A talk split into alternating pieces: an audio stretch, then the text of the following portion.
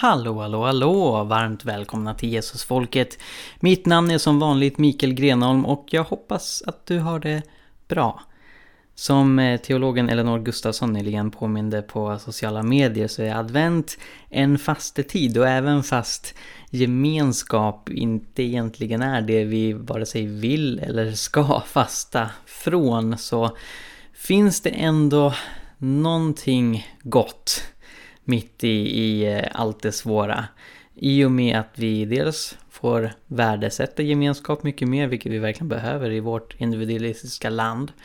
Men sen så finns det också uppoffringar vi behöver göra i vår livsstil, i vår ekonomi som är nyttigt och bra. Så jag hoppas att ni klarar igenom detta. Och som advent påminner oss om så finns det en ljusare framtid. Inte bara när det gäller julafton eller att solen kommer tillbaka på våren utan det finns en god evighet som väntar på oss.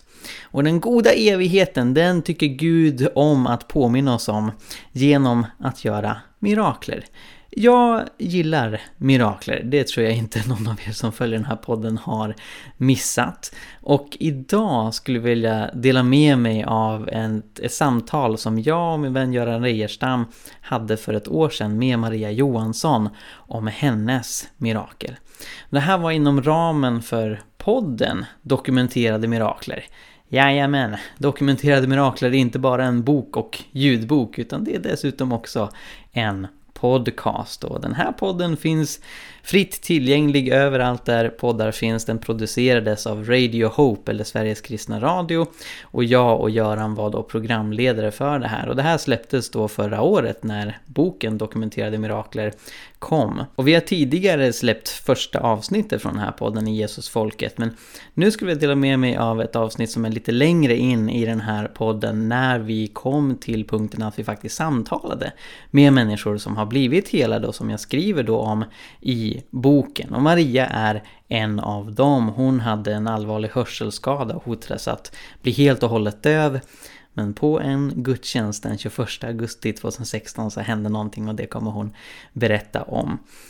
Om ni vill djupdyka mer i hennes historia så förutom dokumenterade mirakler så finns Marias egen bok, Mitt livs mirakler, där hon skriver mer om det här. Och om du är intresserad av dokumenterade mirakler, vilket jag absolut inte blir ledsen för om du är, så finns den alltså nu som ljudbok, som mp3 och på Storytel. Och sen så säljs den också för ett billigt, billigt julpris på Sjöbergs förlags hemsida. Så med den reklamen ur vägen så kommer här vårt samtal med Maria om när hon blev helad varav läkarna inte kunde se någon medicinsk förklaring.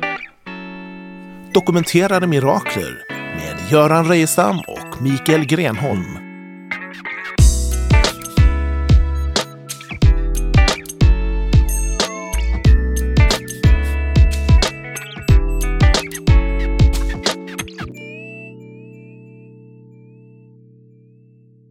Hej och välkommen till ännu ett avsnitt av Dokumenterade Mirakler. Podden och radioprogrammet där vi tar upp radikalt befriade människor från sjukdomar eller mirakler. Gudsingripanden, kalla det på vad du vill på olika sätt. Vi har ju som alltid en kär gäst hos oss, Mikael Grenholm. Välkommen! Tack så jättemycket! Och du är ju författare till boken med samma namn. Eh, och det är ju därför vi sitter här idag. Göran Reiström heter jag som leder det här programmet. Och eh, på vår webbsida och där poddar finns så finns alla de tidigare avsnitten att ladda ner för den som vill lyssna på det och få en bakgrund till allt det här som den här programserien tar upp. Vi har ju tidigare program här, eh, avsnitt 5 och avsnitt 6, intervjuat fantastiska eh, personer som har berättat om eh, eh verkligen tydliga mirakelhelanden. Eh, I det ena fallet så handlar det om en dödlig obotlig sjukdom, ARS. Och i det andra fallet så handlar det om en kronisk luftrörsinfektion, eh, grav astma som ledde att eh, medförda personen i fråga satt i rullstol. Men i båda fallen så är de ögonblickligt friska efter förbön. Idag så har vi på telefonlänk en ytterligare special guest. Välkommen hit Maria Johansson. Eh, välkommen! Tack så mycket. Du ringer från Flen, va, eller hur? Det stämmer. Ja. Eh, väldigt kul att ha dig med här idag. Eh, och jag lämnar ordet till dig Mikael och får berätta eh, och presentera den här gästen lite grann mera för oss. Ja, jag är så glad att du kan vara med oss eh, idag Maria. Eh, jag eh, eh, fick ganska tidigt reda på ditt fall och skaffa mig boken som du har skrivit, eh, Mitt livs mirakler. Eh, och så träffades vi ju på ett bröllop förra året. Mm. Något oväntat. ja. Åtminstone för mig. Jag, jag, visste inte att du skulle vara där men det var ju i Flen så det var inte allt för ologiskt. Ja, det stämmer. Det var kul. Ja, mm. och eh, så tacksam att, att du har ställt upp på intervju och eh, velat dela med dig av eh, din historia. Eh, mm. i, I din bok så berättar du egentligen om eh, två eh, helanden. Eh, det är mm. bara ett av dem som jag har med i min bok. Eh, för att det går att eh, dokumentera och du har med eh, dokumentation från, från din läkare. Men det första tillfrisknandet är också spännande även om det inte kan dokumenteras på samma sätt. Skulle du vilja berätta kort först och främst vem du är och sen vad var det som hände för flera år sedan? Ja, jag är en helt vanlig svensk kvinna, gift Peter som 34 år. Vi har sex barn. Jag jobbar som personlig assistent och eh, varit kristen sedan jag var 19 år. Uppväxt i Småland, i Vetlanda. Så att, eh, det är jag det, helt vanlig. Och eh, jag var ju med om ett helande i min rygg. Eh, jag hade varit sjukpensionär på grund av jättestora ryggsmärtor eh, 24 timmar om dygnet i sju år när Gud helade mig helt och hållet med två sekunder. Men jag, eh, jag var så trött på allt vad läkarvård hette så tyvärr så sökte jag inte upp läkarvården och fick det bekräftat vad som hade hänt med min rygg efteråt utan jag bara gick och fröjdade mig och var glad för det som hade hänt istället. Så, ja. Precis, precis. Det är ju långt fler helanden som sker än de som man kan dokumentera och det här är ju då ett exempel på det att eh, eh, på mm. grund av att du har läst på sjukvården, vilket är en förståelig känsla, eh, så, så, finns det inte svart på vitt. Men din berättelse är ju fortfarande något som ingen kan ta ifrån dig. Eh, och som du då delar med dig eh, av i den här boken. Vad, vad fick dig att skriva boken Mitt livs mirakler? Ja, eh, ja, om jag ska vara riktigt ärlig så fick jag förfrågan om jag ville skriva den och jag har skrivit den tillsammans med en författare som heter Berit Turesson. Att, eh, eh jag hade en, inte någon ambitioner på det sättet att skriva en bok men däremot så hade jag lovat Gud att eh, om han helade mina ögon så skulle jag tala om det för det gjorde jag inte så mycket när jag blev helad i ryggen. Jag hade väldigt svårt att stå inför människor och var blyg och tyckte det var jobbigt. Och, så det var ett löfte jag gett till honom och eh, då har varje gång jag blivit förfrågad om jag vill vittna och berätta vad Gud har gjort så har jag sagt ja för att jag håller mitt löfte till honom helt enkelt. Och du har varit eh, kristen större delen av ditt liv eller? Ja, sen jag var 19 år. Då. Jag är uppväxt i ett icke-kristet hem. Då fick jag möta Jesus på ett ganska radikalt sätt. Mm. Mm. Berätta om det. Hur, hur, hur radikalt var det sättet? Jag, jag, jag var mörkrädd och bodde i egen lägenhet och hade svårt att sova. Och eh, då fick jag för mig en kväll bara att jag skulle gå och titta om jag hade ett nya testamente kvar från gideoniterna som jag hade fått när jag gick i åttonde klass. Och det hade jag. Mamma hade skickat med den när jag flyttade hemifrån. Då började jag läsa i evangelierna och kom till Johannes evangeliet. Och eh, så, så bad jag för första gången i mitt liv. Jag visste inte hur jag skulle göra men jag bara bad att Gud finns du? Så låt mig få sova i natt utan att vara rädd. Och där började det, för jag försov sen så, så väldigt gott. Sen efter ett par månader, jag fortsatte läsa Bibeln, efter ett par månader så kom jag i kontakt med en tjej som eh, hade varit troende. Så hon på konstiga vägar tog med mig till en kristen konsert och där fick killarna i de här bandet som spelade i den här kristna konserten fick be för frälsning för mig sen efter. Och sen gick jag med i en församling i Nässjö.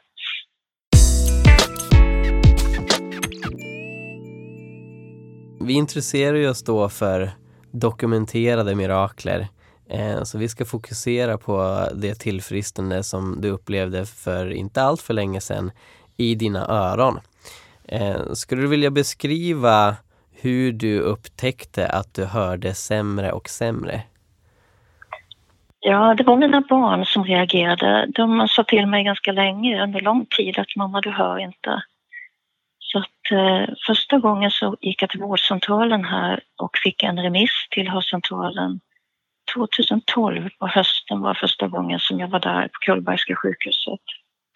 Och där blev det konstaterat efter undersökning och hörseltester att jag hade en lätt hörselnedsättning. Så att i januari 2013 sen fick jag mina första sådana små plug-in hörapparater. Så på den vägen var det, men eh, det, det försämrades väldigt fort. Eh, normalt sett så går man och kollar då sin hörsel ungefär vart femte år, sa min audionom till mig. Men jag fick eh, be min man att beställa tid sen efter ett par månader så att det gick med korta intervaller, tre månaders intervaller. När jag vaknade på morgonen så var det som glasburkar över ögonen och då visste jag att nu hade hänt någonting har försämrats. Mm. Att, äh, mm, agronomerna och läkarna de var, de var bekymrade. De förstod inte varför det gick så fort. Så att, mm. Hade du någon eh, diagnos om vad det är för slags sjukdom eller för slags skada som drabbat dig? Jag fick det till slut. Eh, det var i maj 2014 och då hade jag varit i kontakt med överläkaren innan men då, då, då fick jag en tid och det, då stod det i eh, tiden jag fick att jag skulle ha med mig en anhörig. Och eh, när vi åkte dit, vid det laget så hörde jag så dåligt så att jag, det var en skrivtolk som var med så jag kunde läsa på dataskärmen. Då. Och eh, då, först då fick jag beskedet först då att jag, det här var maj 2014, att jag skulle bli helt döv inom ett år. Och sen sa hon till mig att eh, diagnosen då som det var att hårcellerna i, i själva snäckan, i koklean, som fångar upp liksom ljudet, som eh, vibrationerna, de gick av och bröts av i alldeles för raskt tempo. Då. Så att, hon, de kunde inte säga vad det berodde på, men att det var diagnosen, att det var det som skedde. Och det var ju en permanent skada då som var oåterkallelig. Och det här kan man se i, genom att eh, gå med kamera in i örat eller röntgen? Eller, eller röntgen kanske är svårt men man går in med kamera eller hur kunde de konstatera detta? Nej, hon konstaterade det genom att jämföra alla adionomkurvorna och undersöka mina öron bara utifrån. Så att eh, det var, det var så som hon gjorde och sa, väldigt korrekt. Så att, ja. Mm. Och hur, hur, långt från att det första eh, tillfället då barnen började klaga på att du, mamma, du hör dåligt till, till det här tillfället, hur lång var tidsutsträckningen då ungefär? Ett och ett halvt år. Mm. Det var väldigt snabbt förlopp. Ja, det gick väldigt fort. Eh, man hängde liksom inte med eh, i den här diagnosen. Det var ju väldigt jobbigt. det var, eftersom det gick så fort. Då. Och Många, om man talar åldersrelaterade eh, hörselnedsättningar, eh, eh, sägs ju vara ärftliga. Har, har du haft någon ärftlig anlag för hörselnedsättning? Nej, jag har inte det. Så det här kommer från en blixt från klar himmel så att säga? Ja, det var, det var det första hon frågade överläkaren om det var så. För att det vanligaste är då att det är i släkten, att det är relaterat på det sättet. Men eh, hon sa så här, det kan bero på om man har haft en kraftig öroninflammation som liten och det har jag haft. Och eh, vid ovanliga tillfällen så kan det bero på att man har fått ett slag emot huvudet eller någonting sådant. Så, ja, det var det hon, hon nämnde, eller det hon som jag läste av skrivtolken. Mm. Vad var din känsla och reaktion i det ögonblicket du satt där med en skrivtolk och fick upp de här orden på en bildskärm? Ja, det kom, vi jag hade med mig Peter, min man, och vi, vi var ju helt chockade.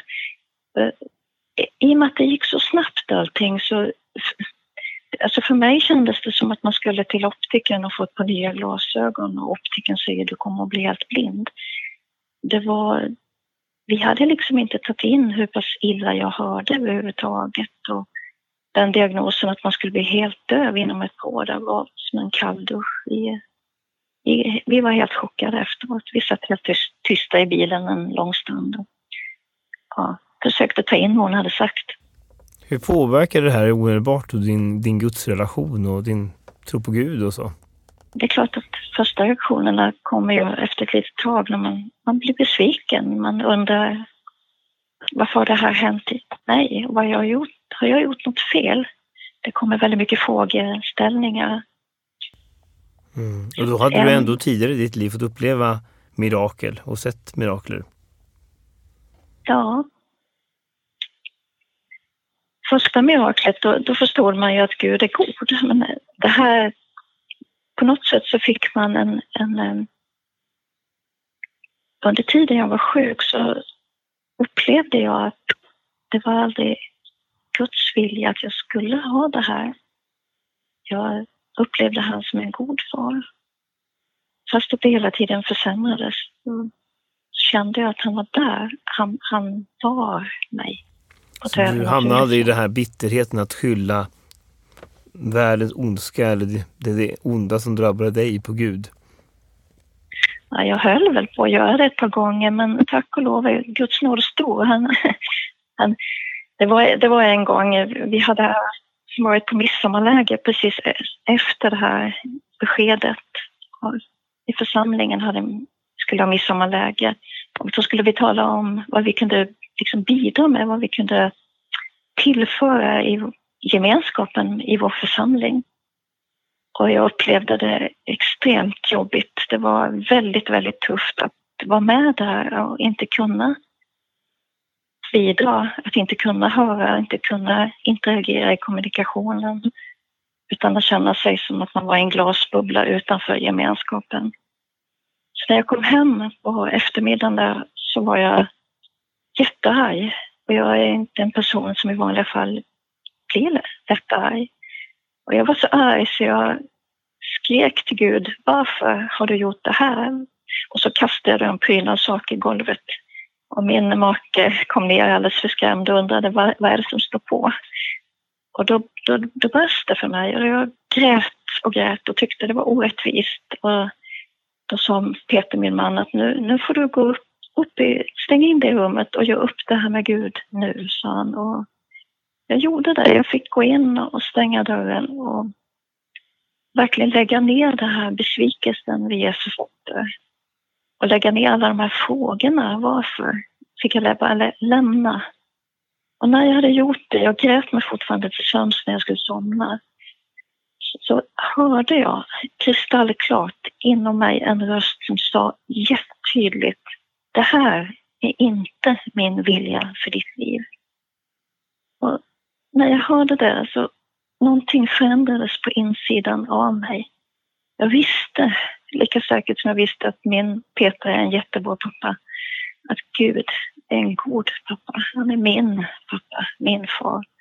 Han vill inte att hans barn ska vara sjuka.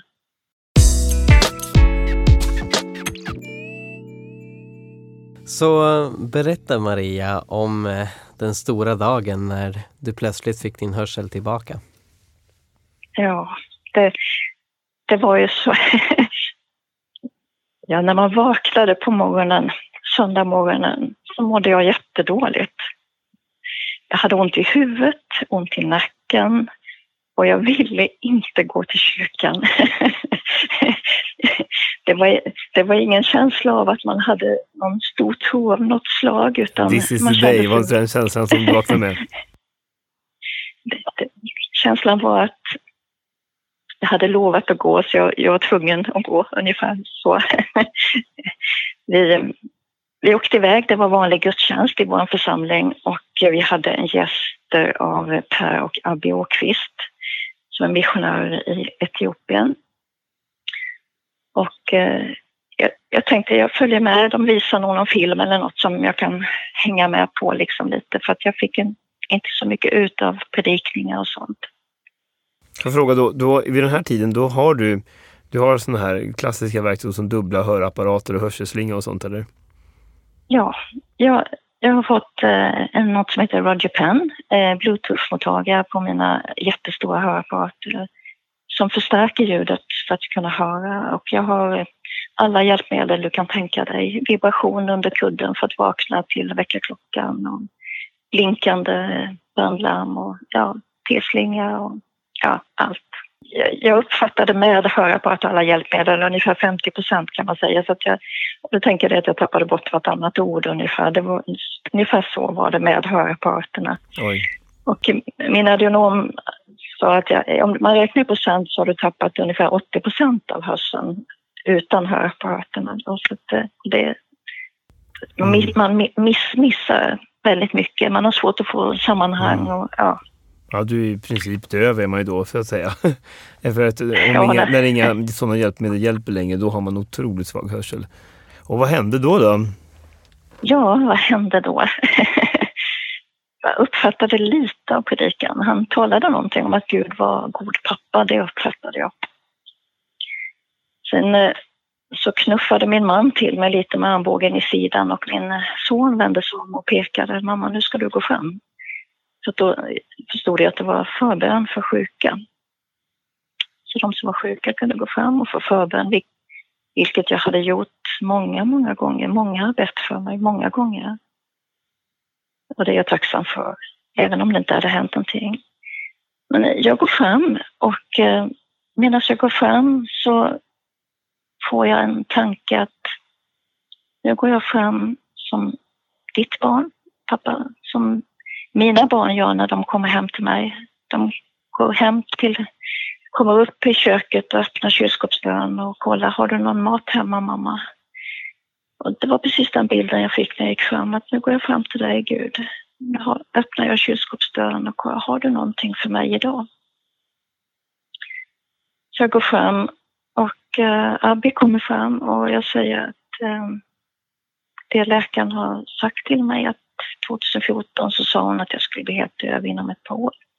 Det här är 21 augusti 2016 då. Och nu vill jag att du ber för mig, säger jag, så tar jag ut mina hörapparater och lägger dem på en högtalare som är jämte där. Och eh, hon börjar be. Jag hör inte vad hon ber för någonting utan jag bara står i Guds närvaro. Jag ser Jesus på korset. Och så känner jag Guds närvaro. Sen kommer Per också fram och lägger sin hand på mig och börjar be. Jag faller till marken på ett väldigt odramatiskt sätt. Det var bara stilla helt ner. Känner gudsnärvaron, ser Jesus hela tiden. Känner mig omsluten. Och så känner jag att jag vaknar till en liten stund och ska resa mig upp och då kommer de tillbaka och ber en gång till.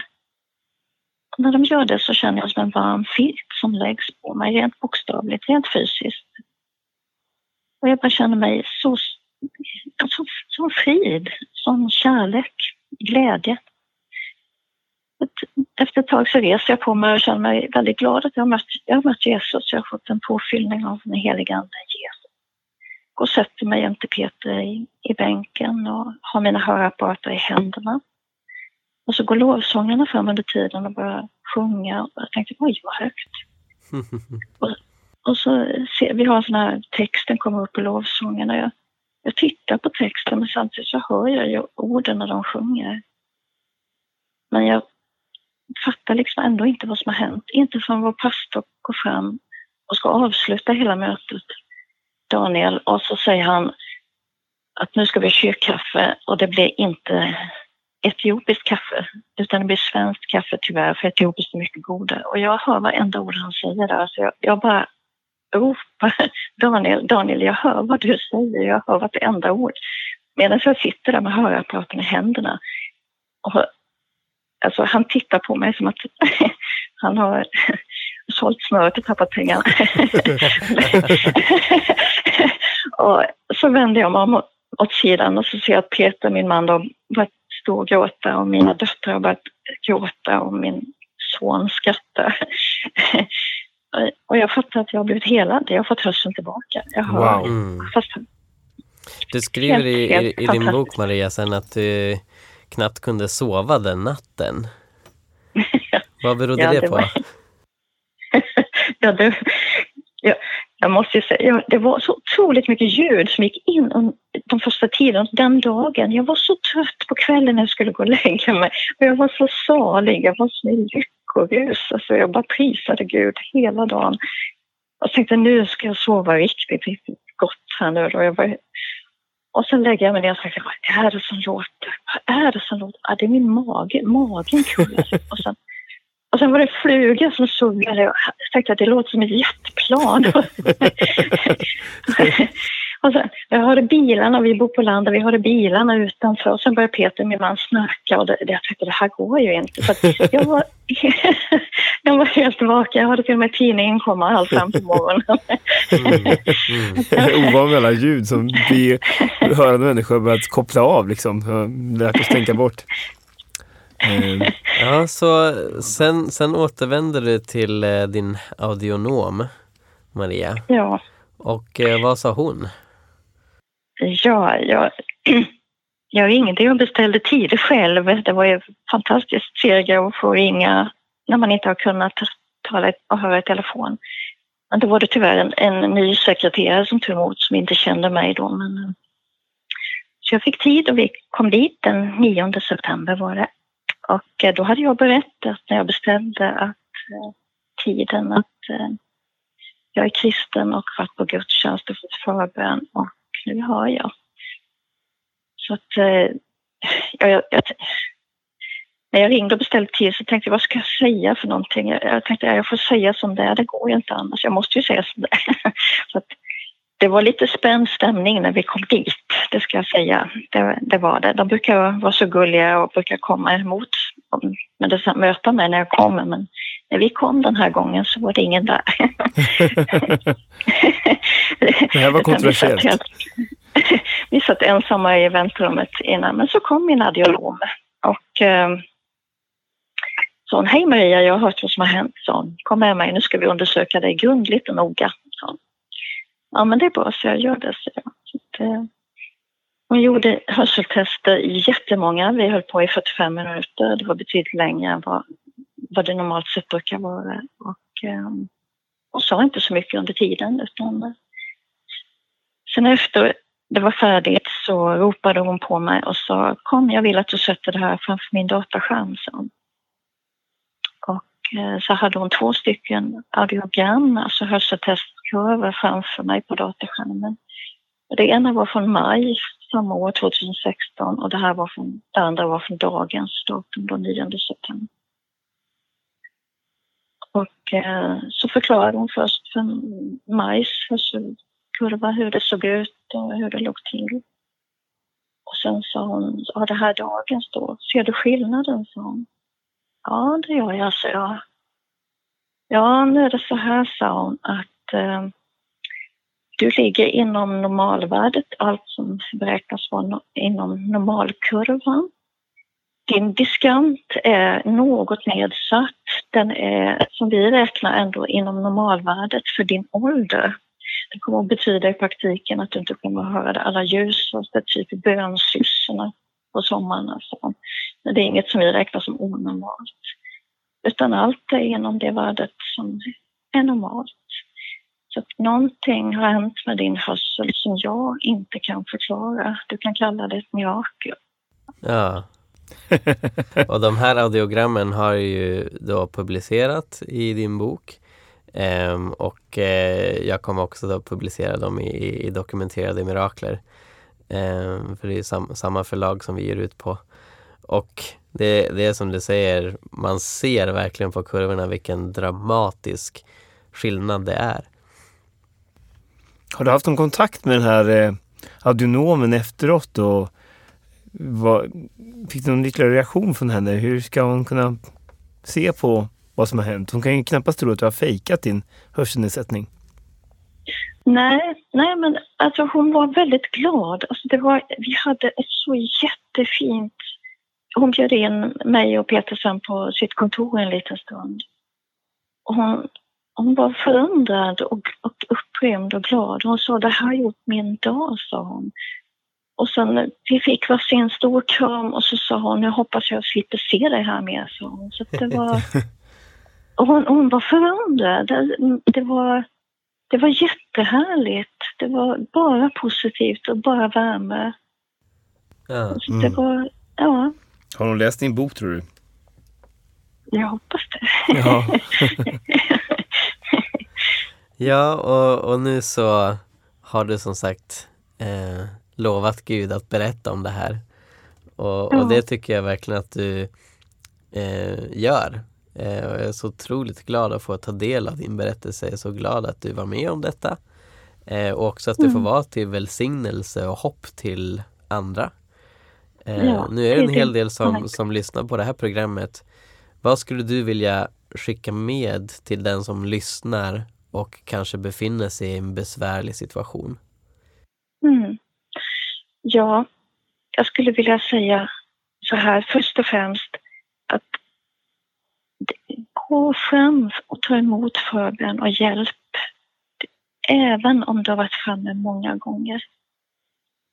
Och lita på att det är Guds vilja, att Gud är god, att det är Guds vilja att, att hela, att Jesus har gjort det. Och att han är mycket mer personligt intresserad och älskar var och en mycket mer än vad vi själva många gånger tror. Han bryr sig om dig och han vill att du ska må bra. Och ge inte upp hoppet. Jag var framme så många gånger och så bara plötsligt hände det när jag inte alls trodde på det. Inte på morgonen där, jag hade ju inte minsta tro på att något skulle hända. Och just då skedde det. Att Gud är god och det kan ske och sker mirakler idag i Sverige. Mm. Maria, tack så hemskt mycket för din berättelse. Det här är, är fantastiskt intressant att höra och jag måste säga, jag berör till tårar när jag hör din berättelse och man kan riktigt känna först din familjs förtvivlan och din egen förtvivlan och sen som byttes då i dess raka motsats. Eh, fantastisk berättelse verkligen. Stort tack för din medverkan och eh, jag gissar att den som vill kan kanske få kontakt med dig och skriva till dig via eh, Dokumentera Miraklers webbsida här som publiceras. Eh, om det är kanske någon som har ytterligare frågor till dig. Absolut, det går jättebra. Mm, jättebra. Stort tack och Ja, tack, eh, Gud tack, så välsigne mycket dig. att jag fick, tack så mycket att jag fick vara med. Ja, ja, tack själv. det är så roligt att du var med Maria. Gud välsigne dig. Har du blivit berörd av det här programmet eller har någon fråga? Skriv ett mejl till info dokumenterandemirakler.se